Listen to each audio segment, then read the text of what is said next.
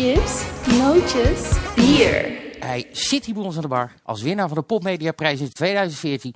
Atze de Vriezen. We gaan het over cultuur hebben, maar niet voordat we het nieuws van de dag hebben besproken. Dat willen we redelijk kort houden, omdat het gewoon geen leuk nieuws is. En dat is Frankrijk. Het blijft daar doorgaan. Ja. Frankrijk is gewoon op dit moment een doelwit voor terroristen. Ik heb me vorige week hier al, toen Arthur van Amerong hier zat, een beetje laten gaan. Omdat toen Samuel Paty natuurlijk de Ja. hele nasleep. Ik ga niet nog een keer al die nare woorden herhalen die ik toen geroepen heb. Maar ja, weer, eh, weer in een kerk in, eh, in, in eh, Nice. de stad waar de boulevard ook al met vergelijkbare overtuigingen werd geconfronteerd een aantal jaar geleden. Is, zijn mensen onthoofd in een kerk die Notre Dame heet. Dus een andere dan in Parijs. Nee, Niger. Maar ja, dat is weer eh, islamitisch motief, dus lijkt het erop. En, eh, Tunesiër las ik. ja, is Ja. door de politie eh, koud gesteld, letterlijk en figuurlijk. Is hij overleden? Ik geloof Ik dacht, dat ik dacht hij dat hij in het Nee, nee, ziekenhuis nee, lag. nee, Nee, hij die- in. Die. Avignon is overleden. Want Precies. nou, er is Oh ja, dat gebeurde vervolgens ik ook nog. niet Ja, sorry. Ja, nee, ik had, ja, precies. Ja. En het ergste is een beetje dat je er niet echt meer van opkijkt. Eh, nog steeds wel schokkend en zo natuurlijk, maar Ja, ik, het gebeurt al een paar jaar. Maar ik wil, ik wil het heel kort houden, want ik heb helemaal geen zin om weer over Nee. het onderwerp te gaan over muziek en over Ja, eh, uitgaan. Ook al kan dat niet, kunnen we er toch een leuker onderwerp van maken dan eh, weer die eh, stomme islam. Het positieve, ik ga iets positiefs zeggen daarover, was dat de Macron heeft natuurlijk gezegd, we gaan de strijd aan met de vijanden van de Republiek. En de burgemeester van Nice heeft vandaag gezegd van, ja, we gaan hier niet voor buigen, we gaan dit opruimen, we moeten er iets tegen doen, tegen dit extremisme. En in Nederland hebben de politici niet Mark Rutte, maar wel Klaas Dijkhoff, Gert-Jan Segers en Sigrid Kaag.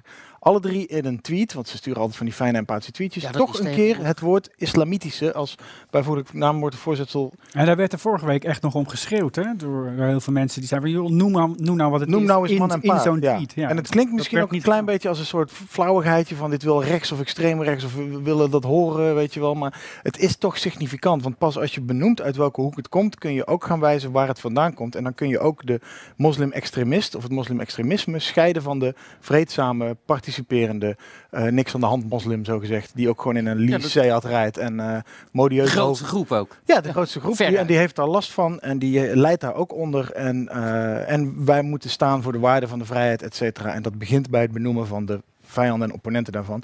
En Frankrijk heeft die stap gemaakt. En in dat opzicht verbaast het me niet dat er dan een soort retaliation komt, een wraakoefening. Zeker met wat Erdogan allemaal geroepen heeft afgelopen week over Frankrijk en over Macron en over Wilders.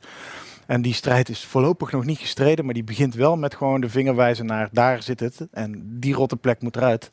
Om verder met de rest en met onszelf en ons allen samen vreedzaam verder te kunnen leven. Maar die hoeven ook van mij betreft geen afstand van te nemen. Ik, bedoel, ik heb er een grafhekel aan als ze in de Galgenwaard verschrikkelijke liedjes zingen over, over bepaalde Het, groepen het probleem is vooral een beetje dat de gemeente, die hele gemeenschap, die hele gemeenschap wordt verantwoordelijk gehouden als er niet gezegd wordt welke hoek het precies was. Want dan gaat het heel snel lijken dat het toch misschien die hele, over die hele linie is. Dat iedere moslim, ook jouw vriendelijke buurvrouw, uiteindelijk ook een keer een zwaard pakt en je hoofd eraf wil halen. En dat zal ze natuurlijk nooit doen. Ik weet niet eens of je moslim hebt, maar je snapt mijn punt. Ik woon in de binnenstad, dus nee. Maar, het, eh, ehm, maar, nee, maar het is wel wat, wat je vaak hoort. Hè? Dus ze moeten er afstand van nemen, open. En ik denk, oh ja, ik, ik ga er ook echt voor het grootste gedeelte van uit dat, dat, dat men daar De, de afstand, niet achter ne- staat. afstand nemen heeft net zoveel zin als vlaggen projecteren van een land op een gebouw. Daar los je dat hele probleem niet mee op. Het probleem los Vlag je op over je profielfoto. op door te wijzen naar het komt. Wat er na Paty gebeurde is dat er een moskee die, die, eh, die de oproep van tot geweld tegen die leraar verspreidde, dat ze gewoon daar naartoe gingen en dichtgespijkerd hebben, briefje aan de deur, dit is klaar.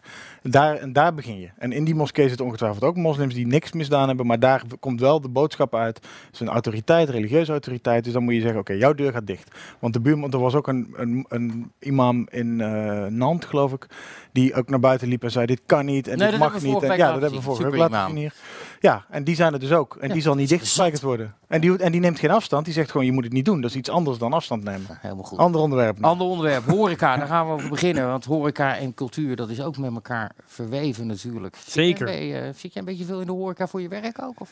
Eh, voor mijn werk? Nou, nee, ja, concerten natuurlijk. Eh, Ja. Dat is natuurlijk een apart stuk horeca. En eh, er wordt altijd een beetje naar elkaar gekeken. Hè. Eh, zeker ook in zo'n stad, in de binnenstad, waar je dan een gesubsidieerde popzaal hebt, die bijvoorbeeld ook nog eh, nachtdingen doet. Ja, we hebben het over Tivoli nu toevallig. Tivoli Ja. bijvoorbeeld. Hè. eh, eh, kroegen die, eh, die ook graag een nachtprogramma doen, een dansavond, weet ik veel wat. Die, die, die kijken toch altijd met een zekere jaloezie naar, ehm, naar die gesubsidieerde zalen.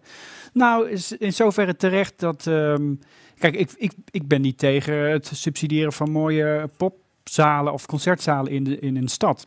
Wat je nu alleen ziet is dat het ook een beetje omgedraaid wordt. Hè? Dus de, de, de cultuur, en als je dan even cultuur en horeca even, even voor het gemak uit elkaar trekt...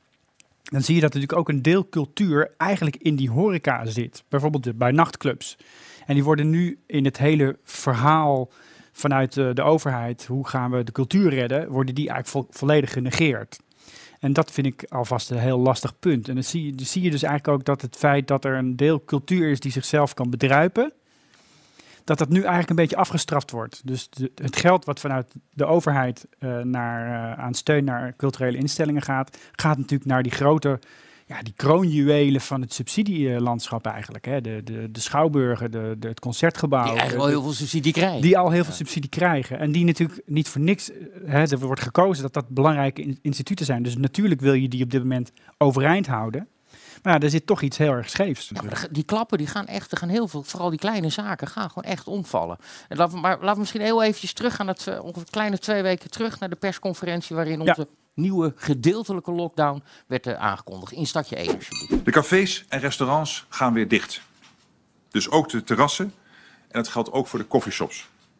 Dat is een keiharde dopper. Maar we kunnen er niet omheen. Hoe hard de horeca ook werkt om aan alle eisen te voldoen. Wat mij opvalt, of wat mij opviel aan die persco, is dat hij dus zegt dat de horeca eigenlijk niet de grootste boosdoener is. Maar horeca krijgt wel de short end of the stick in dit verhaal. Want De short hand of the stick. short Daar heb je- end of the stick. Daar heb je vast wel een goed Nederlands woord voor. Eh, ja, maar niet paraat. maar de horeca moet boeten eigenlijk voor, voor het feit, terwijl Rutte zegt, ja, daar zit niet het grootste deel van het probleem. En dat vond ik Nee, maar hij zegt natuurlijk wel van ja, als er een keer iets misgaat in de horeca, dan zijn het wel clusters. Tot, hij noemde 380 geloof ik. Hè? Ik Ja, weet niet maar- op welk geval dat precies gebaseerd is, maar er zal kennelijk een Maar geval zijn. De scholen bleven open en als daar een besmetting is, dan zijn die clusters misschien nog wel groter als een vliegtuig, Ja. et cetera. En die blijven ook vliegen. Ik, snap, ik snapte destijds, eh, dit is de persco van twee weken terug, tweeënhalve weken terug, eh, dat als je de scholen sluit, leg je echt de economie stil. Want er zitten al die kinderen thuis, dan kunnen die ouders geen kant meer op. eh, thuiswerken wordt verstoord. Het is allemaal heel stressvol, alles via Zoom. Snap ik wel. Eh, vliegveld, vliegtuigen hebben de economisch belang, maar ook een hele sterke lobby. Als die omvallen, dan stort er een enorme supply chain in. Snap ik ook ergens nog wel. Maar toch kiezen ze er dan niet voor om, om de horeca ook een soort pass te geven of nog een beetje speling. Want dat moest Ja, gewoon meteen helemaal zou je dicht. dan willen? Nou ja, die terrassen die bleven open. eh, minder mensen binnen was ook allemaal redelijk goed ingeregeld inmiddels. En toch krijgen die dan te horen van ja, nou, jullie moeten dicht. Ook al is daar niet het grootste probleem. Ik vond dat, ik vond dat opvallend. Maar wat, had je dan, had je wat had je dan gedaan? Kijk, ik snap wel dat ze zeggen van ja, eh, de plekken waar veel mensen zijn, daar eh, liggen de risico's het hoogst. En zeker op het moment dat mensen. En dat is natuurlijk een beetje de, de, de, de sleutel in het beleid wat ze nu aan doen zijn. Alcohol is een beetje de sleutel. Overal waar alcohol is, dat moeten we, dat moeten we niet willen. Eh dan moeten we op tijd dicht doen, want dan, dan wordt het gevaarlijk als het ware. Christus ergens snap ik dat wel. kabinet was dat. Aan de andere kant zie je, zie je, je, je merkt ook dat dat natuurlijk heel veel vrevel oproept. Mensen willen gewoon een, een, ja, iets leuks doen met elkaar. Of dat nou thuis is of in een bar of wat dan ook. Dus Nee. daar, Juist nu, zit heel de veel irritatie. afleiding is groot natuurlijk. Mensen zoeken, mensen zoeken per definitie vertier en ontspanning. Maar in zo'n jaar als dit wil je juist ook niet opgesloten worden met al je zorgen en stress en onzekerheid. En Maar het is ook wel een stukje, denk ik, eh, een, een, een, teken afgeven. Want die horeca, dat is natuurlijk overal het hart. Daar kom je samen. De, eh, Ja. dat, is, dat is misschien toch ook wel een beetje dat verkeer tegenhouden. Nou aangeven, jongen. ja, de Het boot is echt serieus dat het ook wel een beetje die boodschap is. Het is alleen heel cru voor die horeca. eh, het heeft eigenlijk vrij lang geduurd voordat ze het weer allemaal dicht deden. Want het gaat stapje voor stapje. Ja, dan moeten ze eerst eh, om 12 uur dicht en dan moeten ze Ja. om 10 uur dicht. En dan, moet het, dan moeten de supermarkten mogen geen alcohol meer verkopen na 8 uur. En ik zie in, bij, de, bij de supermarkt om de hoek moeten ze elke keer weer al die rekken met eh, cho- chocoladeletters en pepernoten voor de wijn zetten. en dan, ja, dat is, het gaat steeds stapje voor stapje. Terwijl je kunt je dus afvragen, hij heeft het dus over die hamer. Nou ja, je kunt ook zeggen, je moet gewoon echt hard slaan met die hamer. Dan kunnen we misschien eerder weer open. Dit is allemaal een keuze. Ja, oké, maar jij bedoelt dan gewoon even een volledige lockdown, zes weken Ja, ik weet niet of dat een goed idee is, maar ik kan me voorstellen dat dat vanuit de, bijvoorbeeld de cultuurwereld, eh, dat, dat er wel mensen zijn die denken van ja, doe het dan, doe het dan zo. Want nu worden we eigenlijk langzaam gewurgd, terwijl we willen gewoon zo snel mogelijk weer. Bedoel, De, cultuur en de horeca hebben er baat bij dat zo snel mogelijk weer dat niveau Ja. van die besmettingen laag is. Maar denk je dan niet, Adse, dat zo'n volledige lockdown ook slechts een pleister is? Dan gaat het even goed. Dan gaan we weer langzaam open. Dan zitten we nog steeds eh, in de winter en dergelijke. Dat virus, en dan gaat het weer omhoog. Dat, we niet, dat het toch echt gewoon een vaccin is wat we nodig hebben. Een medicijn. Ja, nou, u- uiteindelijk is dat natuurlijk waar we naartoe moeten. Al denk ik eerder, eerlijk gezegd, en daar zie je gelukkig ook wel een beetje vooruitgang in geboekt worden, dat een sneltest veel eh, eh, eh, betere optie is eh, voor de horeca. Een way out, dat is nou echt een way out. Tot nu toe werd daar niet echt naar geluisterd, maar er is eh, gisteren een brief van de minister geweest waarin best wel uitgebreid aandacht was voor, ehm, voor sneltest en ook voor de, de, de, de nieuwe innovaties die eraan zitten te komen. Dan gaat het onder andere over die, eh, die antigeentest, maar ook over die Mhm. blaastest. Die blaastest, toen ik daarover las, dacht ik van ja, dat is, dat is een soort broodje aap verhaal. Dat kan niet waar zijn dat, dat, dat het zo makkelijk... Dat is echt zoals dat je als je hier aan de bar eh, gaat eh, blazen of je, of je nog mag rijden. Je weet eh, na een paar seconden of dat zo is. Nou, er is dus zo'n ding wat in ontwikkeling is. Dat zit nu in het validatieproces. En daar, daar schrijft eh, Hugo de Jong ook over in die brief die gisteren naar de Kamer is gegaan. Daar hangt ook weer een OMT-advies aan vast. En dat OMT zegt dan van ja, we, we moeten er heel terughoudend mee zijn. Maar het is wel voor de eerste keer dat Hugo de Jonge in een brief aan de Kamer schrijft dat sneltests een optie zouden kunnen zijn bij, om in te zetten bij evenementen. Stel je voor, je gaat straks naar eh, Lowlands, gaat volgend jaar door. Je gaat Ja. naartoe. Er wordt ernaast dat er wordt gekeken of je niet drugs bij je hebt. eh, Ja. en niet te veel drank. Moet je ook nog even blazen of je geen Ja. corona hebt. Ja, nou ja, kijk, en nou is het zo dat die, die tests, die zijn natuurlijk, de verschillen natuurlijk weer in betrouwbaarheid. Hè. We hebben, het gaat de laatste tijd veel over die PCR-testen, dat die niet betrouwbaar genoeg zouden zijn. Nou, toch lijkt het erop, althans dat is hoe ze er bij, eh, bij het kabinet naar kijken, dat die PCR-test nog steeds het, het, de beste uitslag biedt. Maar wat ze natuurlijk willen doen, is met die sneltest een soort van eerste schifting maken. Hè, Het moment dat je dus eh, met een blaastest eruit komt dat je positief bent, nou, dan is het heel duidelijk. Op het moment dat je. eh, nou ja, dan moet je eigenlijk naar een soort tweede loket om te kijken of je echt positief bent. Ja, ja, dan doe je een serieuze test voor een... Dus je, je kunt dat nu natuurlijk niet doen, want er zijn veel te veel eh, besmettingen. Dus daar willen ze geen risico mee nemen. Maar op het moment dat die besmettingen heel laag zijn, dan zou je misschien wel kunnen zeggen: joh, we gaan dus een soort screening doen. Eh, en ja, we, we nemen voor lief dat er een zekere foutmarge in zit en dat er dus mensen besmet kunnen worden. Maar ja, de besmettingen zijn nu laag, dus we kunnen dat ons veroorloven. Ja, eh, daar, daar moet natuurlijk naartoe gewerkt worden. Maar die artiesten, hoe, eh, weet jij hoe die eh, met hun contracten zijn omgaan? Waren die coulant? en Zeiden, of zeiden die, ik wil gewoon... Nou, wat ze met heel veel shows, zeker die grote shows, hè, de, de Ziggo Dome en de Avals Live, dat soort shows, zijn bijna allemaal uitgesteld. Dus dat is eigenlijk gewoon een vooruitgeschoven probleem. En ik ben wel benieuwd hoe dat straks ook verder gaat. Want de meeste zijn echt letterlijk een jaar vooruitgeschoven. Hè, juni naar juni volgend jaar. Dat geld, dat staat nog ergens op een bankrekening, maar wordt nu waarschijnlijk ook opgebruikt om eh, lopende kosten... lopende kosten te. Je personeel moet betaald worden. En, ehm, en hetzelfde geldt natuurlijk voor, met name ook voor die festivals. Hè. Die, die, die hebben al die. Die hebben dat geld van die, van die tickets hebben ze allemaal nog. Hè. Dat, dat, dat is over het algemeen niet terugbetaald. Sterker nog, dat hoeft ook niet. Er is een speciale voucherregeling afgesproken met, eh, met de minister, waarin afgesproken is dat dat mag. Dus je mag een jaar vooruit en dan nog een maand nadat het festival zou zijn, dan moet je pas geld terugbetalen. Tegelijkertijd mag een consument ook nu wel op dit moment zeggen: ik wil geen voucher, ik, ik wil mijn geld terug. En dat is onder de consumentenrecht ook beschermd. Nou, dat is dus, dat is dus in de voucherregeling is dus afgesproken dat dat dus niet hoeft. Ja, Ja, dat daar- moment Dat je, Zo ging het met luchtvaart ook inderdaad. Dat, eh, dat van, eh, Er zijn uitspraken natuurlijk van, van de rechter bij de, bij de luchtvaart. waarvan men zei, eh, dit is... je wil toch dat geld terug. Dat mag. En ik Nou, voor zover ik weet is het niet mogelijk op dit moment om je geld voor Pinkpop of Lowlands kaartje nu terug te krijgen. Hey, ook heel even terug naar wat je net zei. Dat grote festivals natuurlijk vroegen van... geef ons duidelijkheid of we deze zomer überhaupt nog wel mo- wat mogen doen. Ja. Ze hebben in de tussentijd wel wat standbouwers en, en decorbouwers en dat soort lui, ja, aannemersbedrijven rond festivals hebben daar wel nog wat geld van gehad een tijdje. Nou is dat festival dat natuurlijk kwijt, maar voor een wat kleiner bedrijf en toeleverancier is het misschien wel weer het verschil geweest tussen blijven bestaan en omvallen. Ja, ik denk dat, dat je wat dat betreft meer zorgen moet maken om die toeleveranciers achter de schermen dan over de directe promotors van die festivals. Daar lijkt het over het algemeen nog redelijk oké mee te gaan. Maar ja, als jij een lichtleverancier bent of een decorbouwer. Ja, heel veel decorbouwers zijn, het zijn natuurlijk creatieve mensen. Dus je zag meteen aan het begin dat die al allerlei gekke dingen gingen verzinnen om toch maar iets te doen.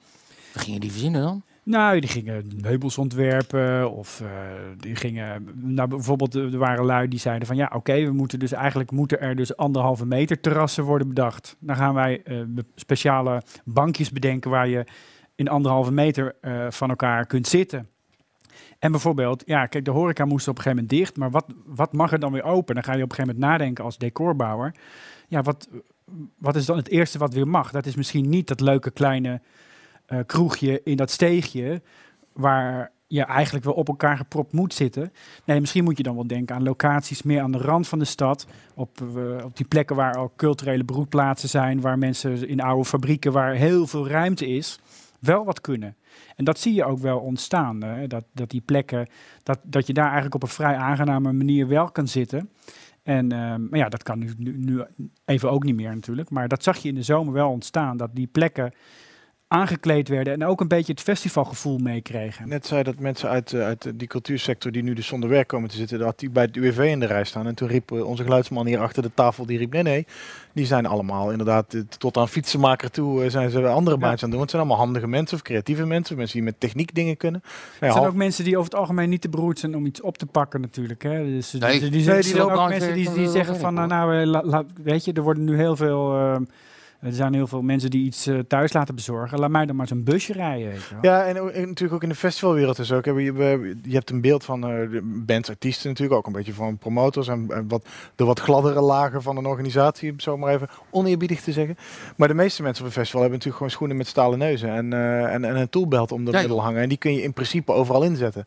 Ja. En in de bouw en in de, ik bedoel, iedereen heeft volgens mij in zijn eigen omgeving wel meegemaakt dat bij de eerste lockdown en volgens mij nu ook bij de tweede, iedereen massaal zijn eh, tuin gaat opknappen, badkamers eh, Ja, alle eh. horeca's opgeknapt ook inderdaad. ja, die, die maakt van de nood een beetje een deugd natuurlijk. Maar het wij, is eh, natuurlijk wel voor die evenementen te hopen dat die mensen straks ook wel weer terugkomen. En nou vermoed ik dat de meeste mensen dat wel zullen willen, omdat het, het is natuurlijk in, in, de, in, de, in de popmuziek werken bijvoorbeeld is het natuurlijk meer dan alleen maar eh, dat je daar toevallig goed in bent. Dat is over het algemeen vinden mensen dat een roeping, ze willen niks anders. Ze hebben het misschien eerst jaren gedaan voor bijna niks of helemaal niks. Dus ik vermoed dat heel veel van die En- mensen wel terug zullen willen. Maar ja, dat is wel, er ligt wel een enorm risico dat er heel veel expertise verloren Voor, gaat. voor een groot deel van die groep was het sowieso natuurlijk al een beetje seizoensarbeid, wat vooral in voorjaar, zomer eh, plaats had. En eh, in najaar, winter is er minder te doen op festivalgebied. Op festival. ja, Relatief minder. Dan Er doe je de clubjes steeds, af. moeten nog eh. steeds stands gebouwd worden en andere dingen gedaan worden. Maar Je hoeft geen namen te noemen, maar jij kent genoeg muzikanten waarvan wij denken, nou, Tuurlijk. die zit gebakken, maar die staat op dit moment gewoon bij te klussen. Oh ja, nee. Maar ik die weet zijn niet er ze voelen hoor, sowieso. ik sta ook achter een bar. Die zijn er sowieso, ja. Ja. Ik, ik ben bang. Ik denk dat de, de, jongens van Kensington zullen zich eh, voorlopig geen zorgen hoeven maken. Maar ehm, er zijn Ja. er genoeg die inderdaad in de het leukste vind ik nog wel, er is ook zo'n mooie nieuwe tv-programma op SBS. Ja.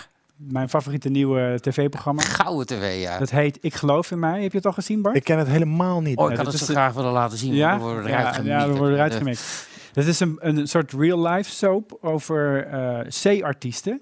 Die eigenlijk vinden dat ze A-artiest moeten zijn. Vind C nog een vrij hoge klassering. Nou ja, eh. maar wat ik, ik, ik- de eerste aflevering zat ik aan het kijken en dat is natuurlijk lachen, want het is ook een beetje gemeen gemonteerd. Hè, dat er dan en zo'n artiest gaat dan, dan heb je zo'n shotje dat hij dat dan, eh, dat hij dan vertelt over waar hij voor staat en waar hij in gelooft. En dan vertelt hij van dat hij zo houdt van interactie met het publiek. En dan krijg je vervolgens wordt dat versneden met een optreden op een soort van bejaardenboot waar mensen helemaal niet zitten te wachten op Half hem en vervolgens eh, eh, de techniek ook nog eens eh, hem in de steek laat.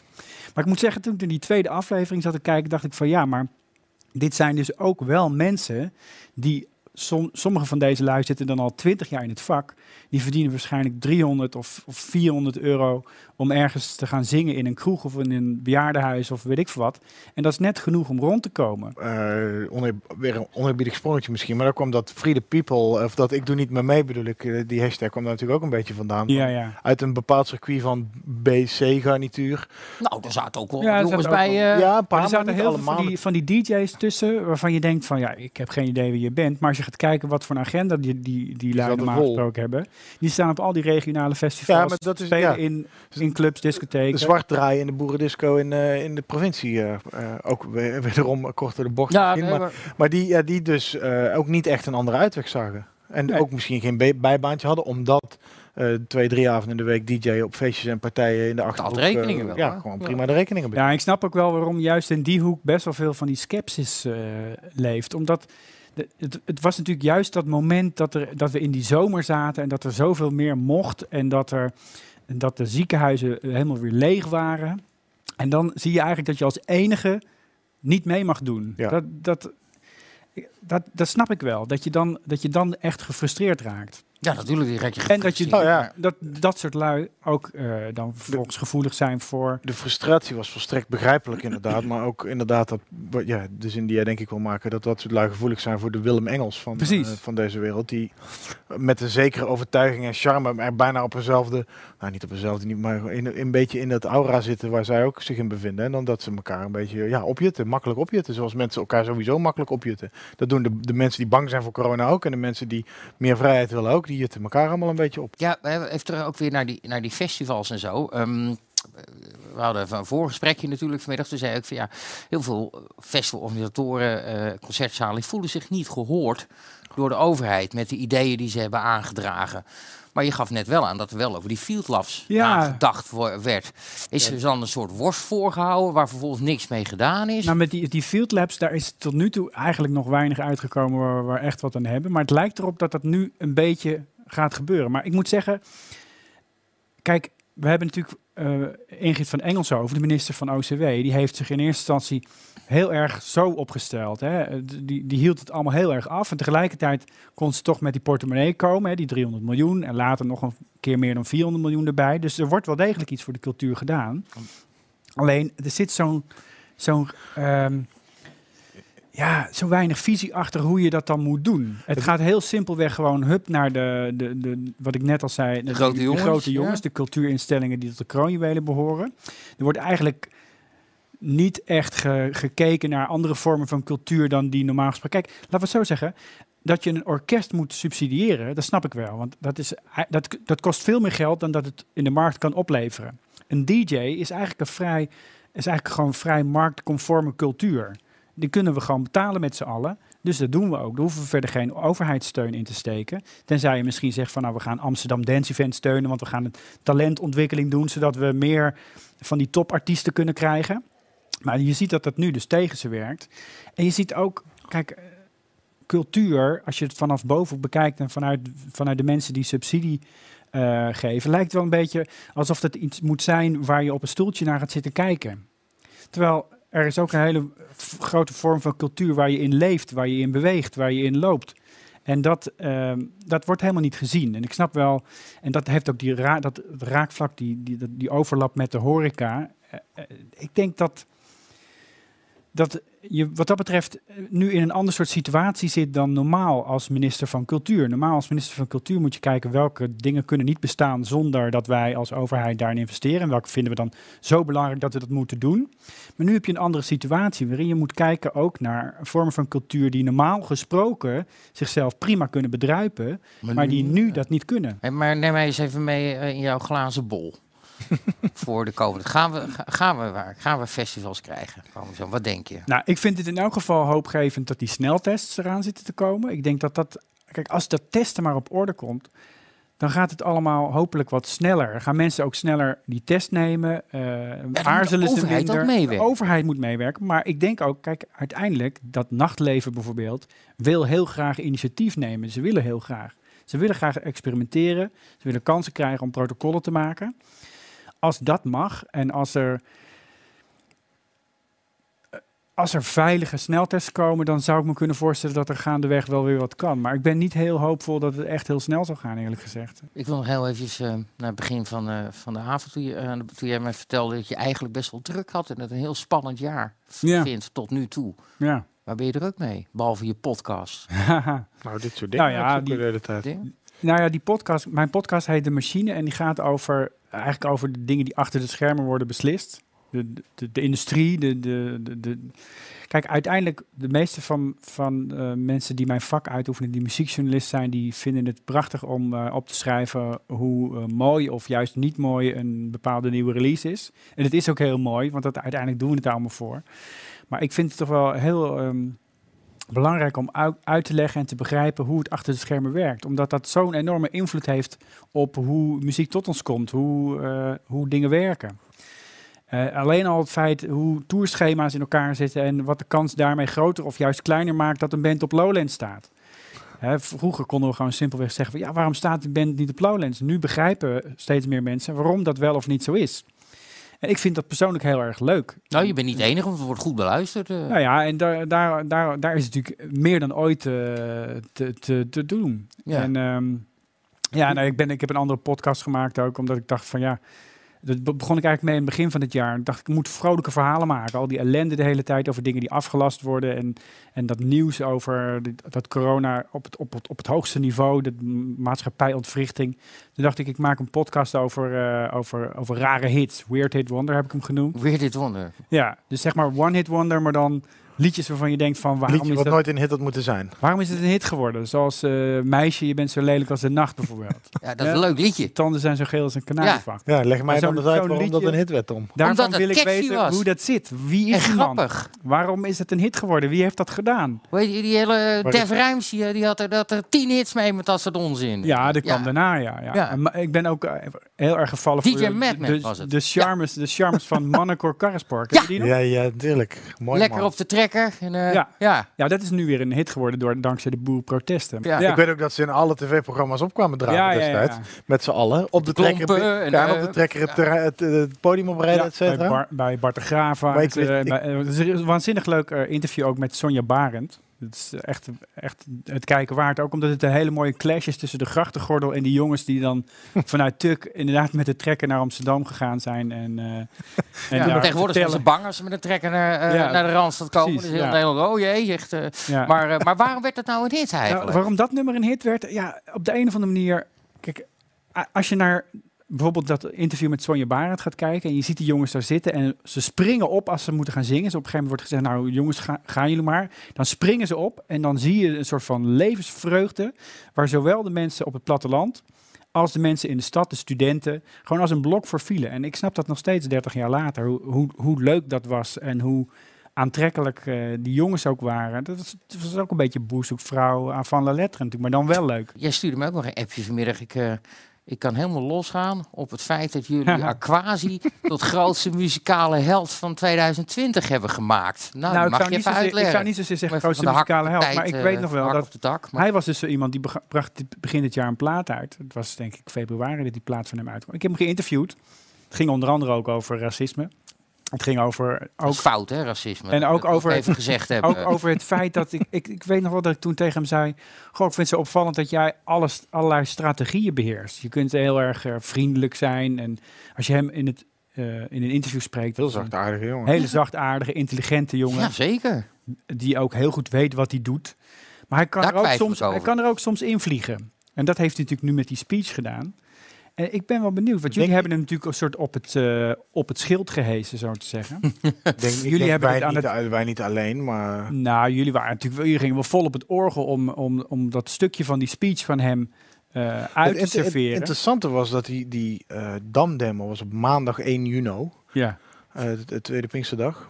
Kan, kan ik wel Ja, en eh, de ophef kwam pas enkele dagen later, omdat het even duurde dat de video... Want eerst was iedereen een paar dagen boos over het feit dat ze met z'n op de Dam stonden. Toen waren wij nog van, ja oké, het is stom, want we hebben met z'n allen maanden op onze handen gezeten. En nu, eh, de eerste dag dat er Nemen jullie zoveel risico? Neem, ja. ja. en dat, dat was volgens mij bijna iedereen het wel over eens. Maar eh, wij, wij waren ook, wij schreven destijds ook van, nou ja, dit gaat bewijzen of die open lucht nou wel of geen kwaad kan. Ik dacht eigenlijk altijd van, nou, dit gaat bewijzen dat. En daar kwam ook geen besmetting uit. Dus Nee. in dat geval was het Eigenlijk, eigenlijk wel allemaal goed wel, wel prima, ja. En alleen het duurde tot donderdag of vrijdag in die week dat die video uitkwam waarin hij die speech dus deed. Waarin hij dus wel eindigde met die, met die, met die mic drop zin. Want hij deed ook een letterlijke mic drop aan het eind. Van als ik in november een Zwarte Piet Ja, tegenkom, dan trap ik hem. En het is bijna zover, dus pas op, pas op Zwarte Piet. Eh, dan, eh, dan, dan trap ik hem in zijn gezicht. En over die laatste zin, die hele speech daarvoor, daar zat een, een, een emotie, een rollende emotie in. Die ook wel een beetje bij een rapper past, bij Ja. een act past. Waar ik wel eh, het sentiment nog ergens wel van begreep. Maar die laatste zin, dat, daar ging hij toch net een grensje over. Waarbij je je af kan vragen, in, ja, bij een ander is de ophef ook groot. Als er als, het was echt een aankondiging van een geweld. En het werd vervolgens, dan, en dan nog kun je zeggen, een soort dichtelijke vrijheid. Het is een rapper, hij staat in een bepaald sentiment Ja. voor een publiek. Kon ik ook nog inkomen. Maar toen zat hij vervolgens bij Dit is M, waar hij vaker zat. Daar werd er naar gevraagd. En toen kwam er een volledig brabbelverhaal over, ja, maar Zwarte Piet heeft geen BSN en die bestaat eigenlijk niet echt. Terwijl die specifieke zin was, als ik een Zwarte Piet tegenkom, Ja, ja. Dus dat En had ik denk iedereen dat het slim is zijn. dat hij dat zo heeft eh, verwoord. Nou, ik denk alleen, zacht uitgedricht. Nee, maar ja. Dat is gewoon een hele Kijk, uiteindelijk is het natuurlijk een, een soort breuk met de strategie die natuurlijk heel lang heel bewust gekozen is door de, door, door, door de activisten om te zeggen we, we zijn er, we laten ons niet wegjagen, we gaan er staan. Maar we houden bij wijze van spreken zo letterlijk onze handen op onze rug. Het is niet dat we eh, je strijd tegen racisme, dat dat niet oké is of dat het niet mag. En als hij Zwarte Piet racistisch vindt, dan vind ik ook een prima standpunt. Ik ben het er volstrekt niet mee eens, maar je- het is een prima standpunt. Maar er zit vaak toch net een randje onder. En dat kwam volgens mij bij die Aquasi, bij Aquasi naar buiten bij die damdemo. Dat die laatste zin wel echt zoiets was van, ja, zie je wel. ze- Het maakt niet uit wat we doen, hoe we reageren, of we aanpassen of niet. Uiteindelijk zegt hij, eindigt het toch met een dreigement en geweld. Ja. En, en dat, dat- Maar hebben Ah, wij... ik vond die ophef wel echt heel begrijpelijk. Ik, ik, ik snap wel wat je bedoelt, alleen ik zie het hem, ik zie het hem echt niet doen. Nee, ik Nee, zie- natuurlijk zie ik het Maar niet het punt is uiteindelijk, doordat je, het, doordat je die niet. ene zin er zo uittrekt, heb je hem, heb je hoogstpersoonlijk hem de meest relevante artiest van, eh, van dit jaar gemaakt. Dat was in inderdaad de. Maar letterlijke ging, ging je er ook zoveel platen op verkopen dan? Ja, want Nou Ja, ja, goed, ja? Naamsbekendheid is Nee, ja, altijd goed natuurlijk. maar- uiteindelijk zit hij, eh, op basis van eh, dit gebeuren, zit hij natuurlijk in, in elke talkshow en eh, Hij- hij- interviewsprogramma. Hij zat al bij DWDD natuurlijk als ja, maar hij is toch echt, hij nee, is maar toch is wel heel bekend prominent geworden. voor Dus als, we- als hij heel veel extra platen heeft Maar- verkocht, Bart, Het is wel- dan, is hij, dan hebben we in ieder geval iets van die herstelbetalingen voor hem geregeld. Zo simpel Jij bent het de slechtste grap vanavond. Ja, oh, absoluut. En, niemand vier lacht. En Jij- niemand lacht. Jij wel. We, eh, volgende week op 3 november, dus op dinsdag om 9 uur, allemaal afstemmen. Ik heb daar ontzettend veel zin in. Het wordt een ontzettende marathon-uitzending. Ik dank je wel, Adse. Dank je wel, Bart. Dank je wel, kijkers. Tot dinsdag.